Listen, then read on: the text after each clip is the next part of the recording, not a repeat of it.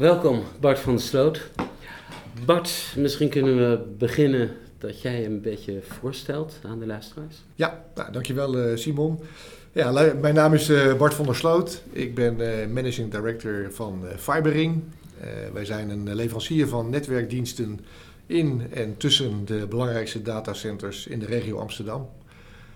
ik ben nu zo'n vijf jaar werkzaam. Daarvoor heb ik 14 jaar gewerkt bij wat begon als de Global Crossing.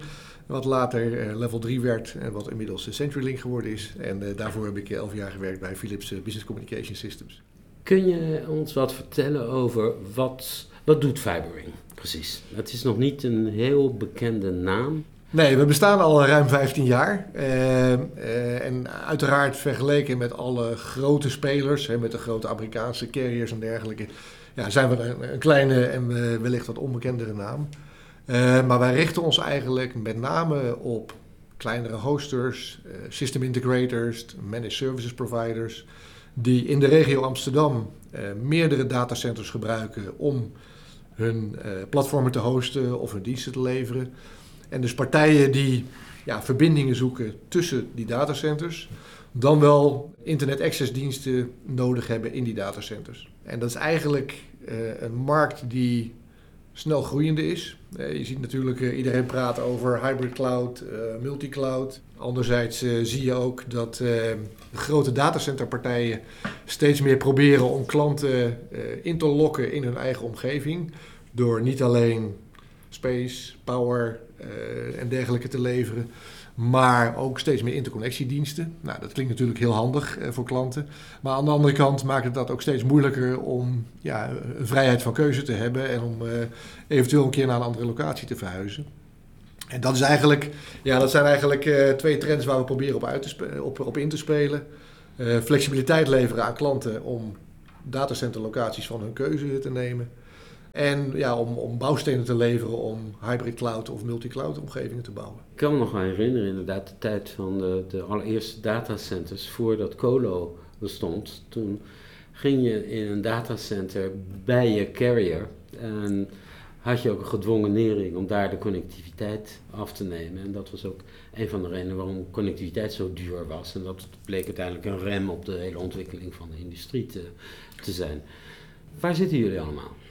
Uh, in Amsterdam zitten we eigenlijk, uh, dus we zitten in de regio Amsterdam, hè, dus misschien ook wel goed om te noemen. En we zijn een hele gefocuste speler die eigenlijk alleen maar diensten in de regio Amsterdam levert. En enerzijds is dat zeg maar in de datacenters van de, de grotere leveranciers, hè, de Equinix'en, de Interactions van deze wereld. Maar daarnaast ook in de, ja, wat we dan de, wat onafhankelijker, kleinere spelers noemen. Uh, Iron Mountain, Global Switch. Nou, in totaal zitten we in 18 locaties. We leveren dus ook meerdere types verbindingen tussen de locaties. Het kan beginnen met een kleine metro-ethernetverbinding van 100 eh, megabit per seconde of iets dergelijks. En dat kan uitgroeien naar uh, wavelength 10 gigabit, 100 gigabit per seconde of dark fiber verbindingen. Eigenlijk ja, wat die klant maar nodig heeft om voldoende capaciteit met voldoende redundantie tussen die locaties uh, te bouwen. Wat maakt jullie uniek? Waarom, waarom als ik hoster ben en ik, ja, nou, ik denk wat ons uniek maakt. Amsterdam, waar, ja. waarom kies ik voor fiber? Nou, als je kijkt naar, uh, als je ons vergelijkt met de meeste andere leveranciers die dit soort diensten bieden, dan kom je al vrij snel op de, de grote carriers terecht met of een Amerikaanse achtergrond of een Europese achtergrond. Uh, partijen die wereldwijd diensten leveren, die uh, hele strakke processen en, en uh, dat soort zaken op orde hebben. Maar waarbij het in het algemeen vrij lang duurt voordat ik een offerte heb. En als ik die offerte teken voordat ik een dienst geleverd heb. En wij hebben het voordeel dat wij helemaal gefocust zijn op die regio Amsterdam. In die 18 locaties waar we zitten, daar komen we meerdere keren per dag. Dus we kunnen die locaties inside-out, kunnen heel snel daar schakelen, heel snel leveren. Dus uh, bij ons betekent eigenlijk als je een aanvraag doet, dat je meestal binnen één of twee dagen een offerte hebt. En als je die offerte tekent, hè, dat je ook binnen één of twee dagen de, de dienst geleverd krijgt. Dus dat kan zo snel geprovisioned worden? Ja, dat in de praktijk uh, denk ik dat we heel veel dingen gewoon in één dag leveren. Uh, en dat met als voordeel dat we gewoon een puur een klein, lokaal, flexibel team hebben. Uh, mensen die weten hoe het werkt in een datacenter. Ja, en daar onderscheiden we ons met name van de grotere partijen die dit soort diensten aanbieden. Wat zijn jullie ambities? Onze ambities zijn eigenlijk om in die multi-cloud, hybrid cloud omgeving toch een duidelijker positie op te bouwen en iets completere oplossingen te leveren dan we nu doen. Hè, nu is ons portfolio heel simpel, een verbinding van A naar B. Maar wat die klant precies met die verbinding doet, daar hebben we eigenlijk geen zicht op. Mhm. En waar onze klanten mee worstelen, of wellicht mee worstelen in die datacenters, ja, daar hebben we ook niet zoveel zicht op. terwijl natuurlijk de wereld langzaam verandert naar eh, geautomatiseerde netwerken, eh, geautomatiseerde integraties met allerlei clouds. Dus onze toekomstige richting zit meer in ja, zeg maar het, het ontzorgen van onze klanten om interconnectie aan te bieden. Uh, waarbij een stuk automatisering in ieder geval een, een, belangrijk element daarin zal zijn. Ja, en daarnaast is het heel simpel. Hè. We zien het Amsterdamse datacenterlandschap zich natuurlijk steeds verder ontwikkelen. alhoewel er wellicht misschien nu heel even de rem op zit. Uh, zoals we denk ik allemaal weten. Uh, maar ik denk op langere termijn ja, zullen we toch steeds nieuwe locaties blijven zien. Uh, we zullen ook een vraag naar steeds toenemende bandbreedte blijven zien. Ja, dus uiteraard betekent dat voor ons zorgen dat we ook die nieuwe gebouwen op ons netwerk aansluiten. Zorgen dat we in staat zijn ook die hogere capaciteitsvraag te voldoen dus dat zijn een beetje de, de ambities die we hebben. is ook een beetje, een beetje omhoog gaan in de value chain. Ja, ja, ja dus, dus, enerzijds meer van hetzelfde. Hè, uh, meer locaties, meer bandbreedte. En anderzijds toch ook ja, omhoog in de value chain door ja, automatisering, het onze, voor onze klanten makkelijker te maken om onze diensten te gebruiken. Ik heb even wat vragen. Ik, zou, ik, ga dit, ik zal dit eruit een beetje ja. Maar Vertel me een beetje wat over, die, dat, over het, peering eh, forum. Dat... Ja, dus ik ga naar het, het, peering forum toe en met mijn Leaseweb uh, pet op uh, allereerst. Hè, waarbij we zeggen, joh, wij zijn een wereldwijde hoster. En wij zorgen, wij, wij willen natuurlijk op zo goed en goed mogelijke manier koppelen met ISP's. Hè, waar de eindgebruiker van onze diensten achter zit. En uiteraard ook tegen zo laag mogelijke kosten. dus we gaan naar die peering forums toe om ja, met, pering, met, met peringpartijen uh, afspraken te maken of uh, nieuwe aansluitingen te bouwen of capaciteituitbreidingen te doen. Uh, en daarnaast ook gewoon om marktkennis zeg maar, op te zuigen. Hè, want het zijn hele informele bijeenkomsten hè, waar heel veel ja, informatie vrijelijk wordt uitgewisseld. En waarbij mensen echt elkaar, hè, de, de, concurrenten, ook elkaar proberen te helpen om, ja, om problemen op te lossen of om dingen te verduidelijken. Uh, dus dat is onze, onze insteek om, daar, uh, om daarheen te gaan. Enerzijds heel concreet afspraken maken met peers. Maar anderzijds ook gewoon een stukje marktkennis op, uh, op zuigen en kijken waar de prijzen heen gaan. Kijken welke spelers wat aan het doen zijn, et cetera. Je zit heel erg op het Amsterdamse, maar veel, van veel hosters zitten tegenwoordig, dat, is, dat zie je echt als een trend. Mensen willen in verschillende datacenters zitten en vaak in verschillende gedeeltes van het land. Ja. Vinden jullie Amsterdam ook uit? Dat zouden we in theorie wel kunnen, maar we hebben geen uh, concrete plannen in die richting, omdat er in de regio Amsterdam op dit moment nog, uh, nog meer dan genoeg te doen is. Ja, wij volgen natuurlijk ook gewoon wat er in de markt gebeurt. En uh, als we nieuwe regio's plotseling relevant zien worden en we zien daar een, een, een, mogelijkheid waar andere partijen nog niet ingedoken zijn, ja, dan sluit ik niet uit dat we dat ook zullen doen. Maar nogmaals, we zien op dit moment in Amsterdam uh, voldoende opportunity om, uh, om door te groeien. Nog een heel eind te groeien. Wie zijn jullie concurrenten? Wie, wie identificeren je?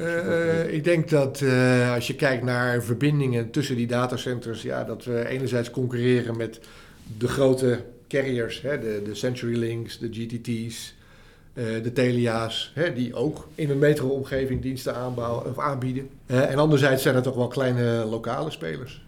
Die allemaal weer, ook weer hun eigen niche hebben, hun eigen netwerkje, hun eigen portfolio. Maar ik denk eh, met name als je praat over uh, internet access diensten of voor de wholesale markt dan IP transit diensten. Hè, dus diensten die toegang tot het internet verlenen. Ja, dan zijn dat toch vaak de, de Cogents, de Telia's, de CenturyLinks. En allemaal uh, prima leveranciers hè, die wij zelf in ons eigen netwerk aan de achterkant ook gebruiken. Uh, maar waar het wel even wat langer duurt voordat je je diensten geleverd hebt gekregen. Hoe, kan een hoster, hoe komt een hoster in contact met jullie? Hoe, weten, hoe vinden hosters jullie op dit moment? Hoe gaat dat? We proberen daar zelf een, eh, een, een, eh, een veelvoud aan kanalen zeg maar, te gebruiken. Enerzijds de hele platte voorspelbare zaken als een website, LinkedIn presence, een beetje social media. ja, ja. ja, en daarnaast uh, gaan we naar uh, die evenementen waar we verwachten om, uh, om prospects en klanten tegen te komen. Uiteraard zijn dat de evenementen van ISP Connect, maar ook andere evenementen. Ripe meetings, AMSIX meetings, NLEX meetings. eigenlijk ja, alle evenementen waar we verwachten dat we onze, onze doelgroep tegenkomen, daar proberen we gewoon lijfelijk aanwezig te zijn. Enerzijds om nou ja, wellicht nieuwe contacten op te doen, maar uiteraard ook daar weer om te begrijpen wat zich allemaal afspeelt in de markt, waar mensen mee worstelen om ze, onszelf ook weer een stukje richting te kunnen geven in ons productportfolio. Ja, ik, ik vind het zelfs soms een beetje lastig, want je merkt dat, je ziet toch wel dat op de, de evenementen, of het nou een RIPE is of de NL nog, of onze evenementen, dat er eigenlijk altijd een beetje dezelfde groep komt. En het is, het is soms best lastig om ook de boodschap te brengen naar die. Nou, ik kan je vertellen, als je op Europese evenementen komt, dan is dat precies hetzelfde. en als je naar uh, wereldwijde evenementen gaat, zoals het Global Peering Forum, ook daar, ik denk dat 60, 70 procent van de deelnemers zijn alvast de, de community, hè, zoals we dat vaak dan in de community noemen. Ja. en daaromheen uh, zwerft een variabele groep die uh, ja, per, per forum dan weer verschilt, afhankelijk van de locatie. Ehm, en die soms ook wel moeite heeft om aan te haken bij die vaste kern. Hè, wat eigenlijk ook wel een van de gevaren is van, van het hebben van een sterke community. Hè, dat die community s'avonds lekker bij elkaar gaat zitten. En dat het heel moeilijk is om daarbij aan te haken als je er geen, eh, geen deel van uitmaakt. Ja. ja. dus maar ik herken heel erg wat je zegt. Hè, als wij naar de events hier toe gaan. Uh, nou, ik denk dat we bij de ISP Connect events toch wel een weer iets andere doelgroep aantreffen dan bij de, de AMSX uh, of de NLX events. Absoluut. Ja. dus wat dat betreft uh, is het wel mooi aanvullend. Maar ja, het, het blijft natuurlijk toch, hè, de, de hosters in Nederland, dat blijft natuurlijk toch een, een, beperkte set bedrijven. En dat zijn er geen duizenden. Nee, maar wij, maar wij hebben ook bedrijven. Ik heb een aantal leden die, die ik eigenlijk alleen maar zie als, als ik naar ze toe ga. Want die komen gewoon hun kantoor niet uit. Dat... Nee, maar ik kan me ook voorstellen dat heel veel hosters, ja, afhankelijk waar ze natuurlijk zitten in, in hun levenscyclus, dat ze gewoon hartstikke druk bezig zijn met hun techniek uh, en, en, platformen uh, mee te laten schalen en te onderhouden. En daarnaast ook de, zeker te stellen dat ze voldoen aan alle regelgeving, die natuurlijk ook van toepassing is voor, nou ja, voor partijen in de hosting. Zijn de datacenters zelf ook een kanaal voor jullie? We proberen daar wel uiteraard goede contacten te hebben. Maar we zien dat over het algemeen datacenters toch zich onafhankelijk willen opstellen ten opzichte van carriers, zoals fibering. Dus het is niet zozeer een, een, een verkoopkanaal hè, dat partijen onze diensten daar resellen. Het is natuurlijk wel een soort referral kanaal hè, waarbij ja, als een hoster in een datacenter aan de medewerker van het datacenter vraagt van joh, ik heb dit nodig, wie moet ik vragen? Hè? Dan zorgen wij natuurlijk toch wel dat wij uh, dat die bij voorkeur fibering zegt. en dat dat er niet uh, alleen maar is omdat hij uh, onze salesmensen zo aardig vindt, maar ook omdat wij in de praktijk gewoon goede en snelle diensten leveren. En op die manier uh, dat uh, de business ook gegund wordt, uh, zeg maar. Ja, dat begrijp ik helemaal. Ja, dat, ja. als we kijken naar de toekomst, hoe zie jij, wat, wat is de grootste uitdaging voor de, de bedrijven in deze sector? Ik denk dat, dat een van de grote uitdagingen is, en die wordt eigenlijk gedreven door consolidatie. Consolidatie enerzijds aan de kant van de accessnetwerken. Als je kijkt naar de, de vaste internetproviders in Nederland, heb je er eigenlijk nog maar twee over. Als je kijkt naar de mobiele aanbieders in Nederland, heb je er nog drie over. Hè? Maar het zijn eigenlijk ja, twee plus drie aanbieders van accessdiensten die gezamenlijk uh, de markt uh, verdelen. En in toenemende mate zie je ook aan de contentkant het het, hetzelfde ontstaan. Ik denk dat uh, 80, 90 procent van al het internetverkeer wordt door zes of zeven grote contentpartijen veroorzaakt. En ja, ik denk dat we allemaal weten wie, dat, wie dat zijn.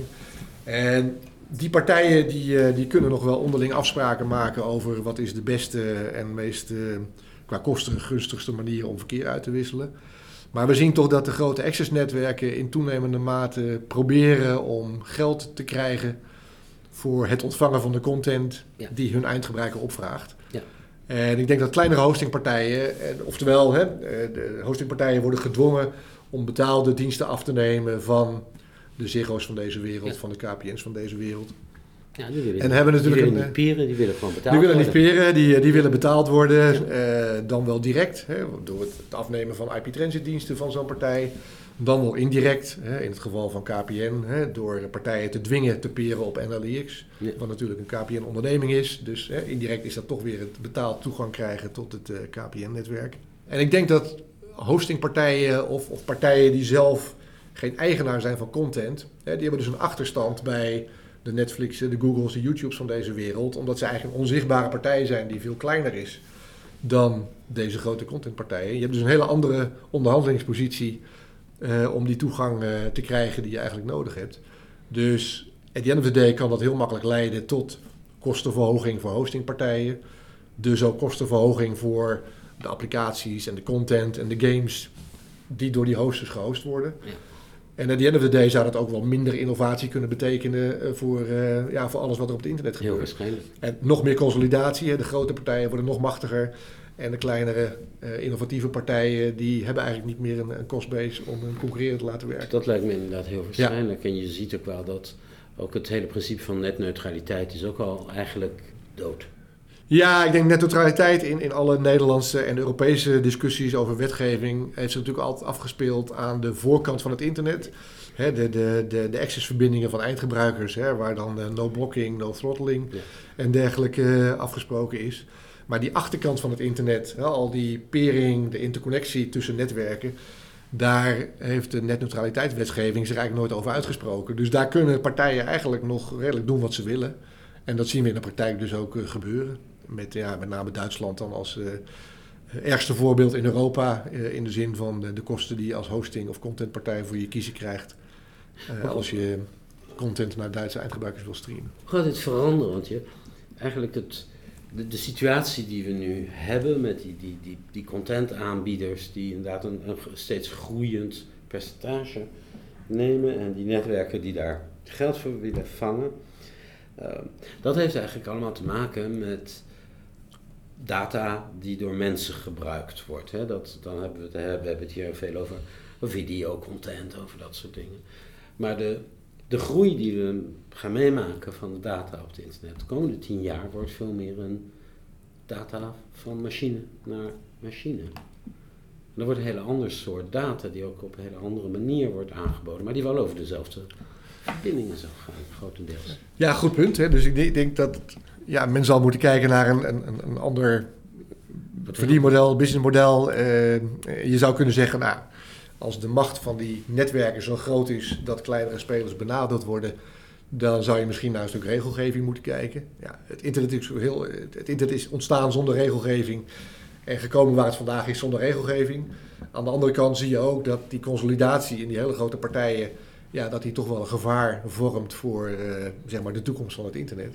Dus ik, ik denk dat regelgeving daar toch een, een belangrijke rol in eh, kan en moet spelen. En ook al gespeeld heeft natuurlijk. Als je kijkt naar alle regelgeving rond accessnetwerken. Het ontbundelen van eh, fysieke infrastructuur, eh, van, van diensten. Er is natuurlijk al veel regelgeving geweest Maar die, die daaraan bijdraagt. Maar ik denk dat dit ja, nog, nog een, een thema is waar we met z'n allen heel goed, goed naar moeten ik kijken. denk, ik hoe je dat denk moet zelf dat we, dat we nog maar aan het begin zitten van de, de, de, de reguleringsslag die er op ons afkomt. Hoor. Dat, Ja. dat, eh, Ja, ik ben het er helemaal mee eens. En eh, ja, je ziet natuurlijk altijd, eh, de grote partijen zeggen nou ja, maar als ik gereguleerd word, dan stop ik met investeren. Of nou, dat is misschien erg zwart-wit, hè, maar dan, ja. hè, dan, eh, dan eh, zet ik een rem op mijn investeringen, want dan kan ik niet meer eh, die return maken die ik eigenlijk zoek. Eh, maar ja, dat gevaar van dit soort eh, houding is natuurlijk wel dat eh, ja, de grote partijen groter worden en de kleinere partijen niet meer, eh, geen toekomst meer hebben. Inmiddels gaat dat argument ook niet meer op. Want ja, eh, je kunt wel zeggen, ja, ik, ik, wil alleen maar, ik wil alleen nog maar investeren in internet als ik eh, 40% marge kan halen. Maar als iemand anders zegt, nou joh, dat doe je toch lekker niet. En dan pak ik 30% marge en dan word ik Ja. rijk, weet je. Dus dat, eh, Ja, ik ben het Ja. helemaal met je eens hoor. Eh, ik denk dat de meeste investeringen in, in fysieke infrastructuur zijn natuurlijk ook gedaan door partijen die niet uit zijn op een snelle return, maar die dit meer als een soort eh, utility investering zien. Hè, met een bijbehorend eh, wat lager, maar meer een lange termijn eh, rendement. Wat ik zo een beetje begrijp, gaan, gaan we nu een, een tijdperk in waar verbinding eigenlijk nog een hele andere betekenis gaat krijgen. Hè? Als, we, als, als ik dan lees dat een, eh, ja, een zelfrijdende auto genereert wat? 80, 80 terabytes of zo, weet je, per Ja, dag. pin me niet op de getallen vast, maar in ieder geval heel veel Dat zijn data. Ja. van die duizelingwekkende getallen. En dat- hoe, hoe gaan we dat allemaal nog, hoe gaan we dat allemaal nog kunnen, kunnen verwerken, kunnen hosten? Als we, al die data die op ons Ja, ik, eh, goede vraag. Je kan je afvragen van in hoeverre zijn we in staat om die toenemende creatie van data ook nog echt te blijven eh, opslaan en verwerken tot in de eeuwigheid. En, en de vraag is wil je dat eigenlijk wel? Hè? Van, wat, wat is de waarde van data van mijn Tesla over zes jaar? hè? Nou ja, Waarom zou je al dat detail dan nog willen, willen bewaren? Nou, die, die AI die moet natuurlijk gevoed worden. Maar ik, ik denk van, je moet je afvragen, de, de manier waarop we daar nu mee omgaan is we, we brengen gewoon al die data naar een datacenter en we slaan alles op en dan Ja. gaan we eens een keertje kijken wat, wat kunnen we ermee. Dat, eh, ik weet niet of dit model nog heel lang schaalt eigenlijk.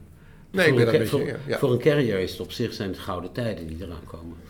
Dat Ja, alhoewel die altijd ook zullen, zullen blijven klagen. hè. De grotere partijen die veel moeten investeren in capaciteitsuitbreidingen. Hè. Daar, eh, ja, er zit altijd een flipside aan eh, groeien. Van, het is leuk om, eh, om te groeien, maar eh, ook groeien vergt natuurlijk investeringen. Gelukkig zien we natuurlijk wel de, de, de kosten van apparatuur elk jaar weer naar beneden komen. Hè. Dus wat dat betreft eh, zie je de investeringen in netwerkapparatuur in het algemeen niet omhoog gaan in de industrie. Hè, dus je kunt steeds, voor hetzelfde geld steeds meer capaciteit bouwen. Ja. Eh, maar je moet wel blijven bouwen. En net als de datacenters moeten blijven bouwen, de storageplatformen, de hostingpartijen moeten blijven bouwen om aan die vraag te, te voldoen. Hoe gaat, ehm stip over groei, hoe gaat de groei van Fiberring? Ja, we, we, ik, ik zal geen eh, eh, spe- specifieke cijfers noemen, maar we groeien met d- dubbelcijferige percentages elk jaar. Ieder jaar weer. En daar zijn we op zich heel blij mee. Het is natuurlijk een, een redelijk overzichtelijke business, puur in de regio Amsterdam. Ja, nogmaals, hè, doordat we die focus hebben, de snelheid eh, en ook een, een klein clubje wat lekker flexibel kan opereren. eh, hebben we ook niet de ambitie om dit tot een 100 miljoen eh, euro business uit te groeien, als die markt al zou bestaan in Amsterdam. Nee, het is gewoon een, een, een- business die heel goed aansluit bij wat onze klanten van ons de verwachten. behoeften van, Ja. de, van de klanten. Ja. Oké. Hartelijk bedankt. Ja, graag gedaan.